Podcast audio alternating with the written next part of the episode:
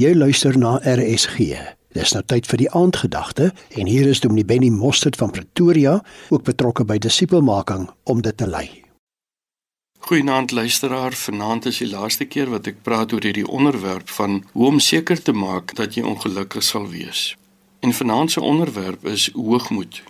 In Jeremia hoofstuk 9 vers 23 staan daar: So sê die Here, Die wyse man moet nie in sy wysheid roem nie en die soldaat moenie in sy krag roem nie en die ryk man nie in sy rykdom roem nie. Laat hom wat wil roem, daarin roem dat hy insig het en my ken. Ek is die Here.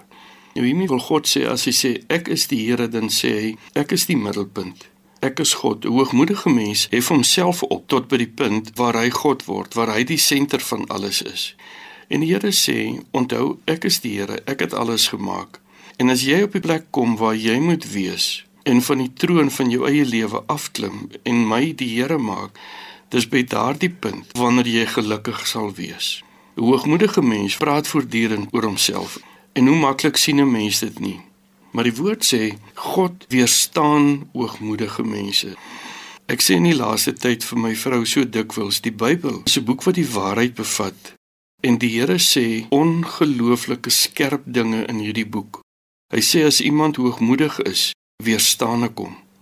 Ons kan so behep raak met die goed wat ons het en wat ons kan doen dat ons vergeet dat as ek die 100 meter redelik vinnig kan hardloop, het die Here vir my die vermoë gegee om dit te kan doen.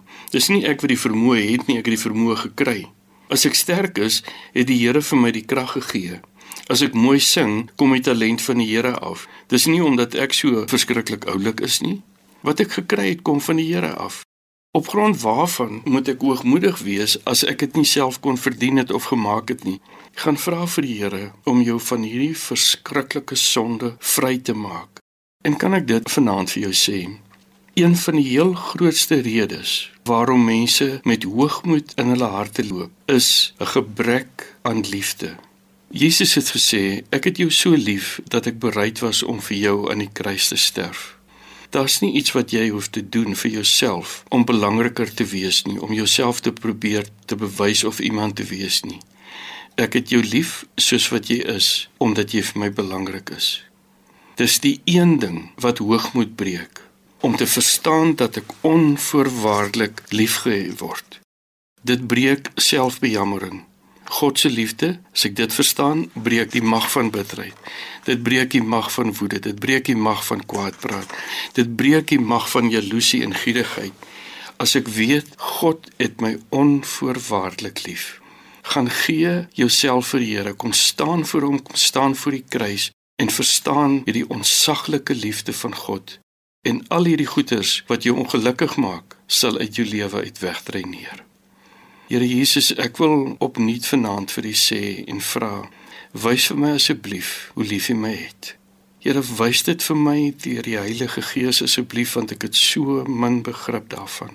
En dat deur U liefde die mag van sonde oor my lewe gebreek sal word. In Jesus naam vra ek dit. Amen.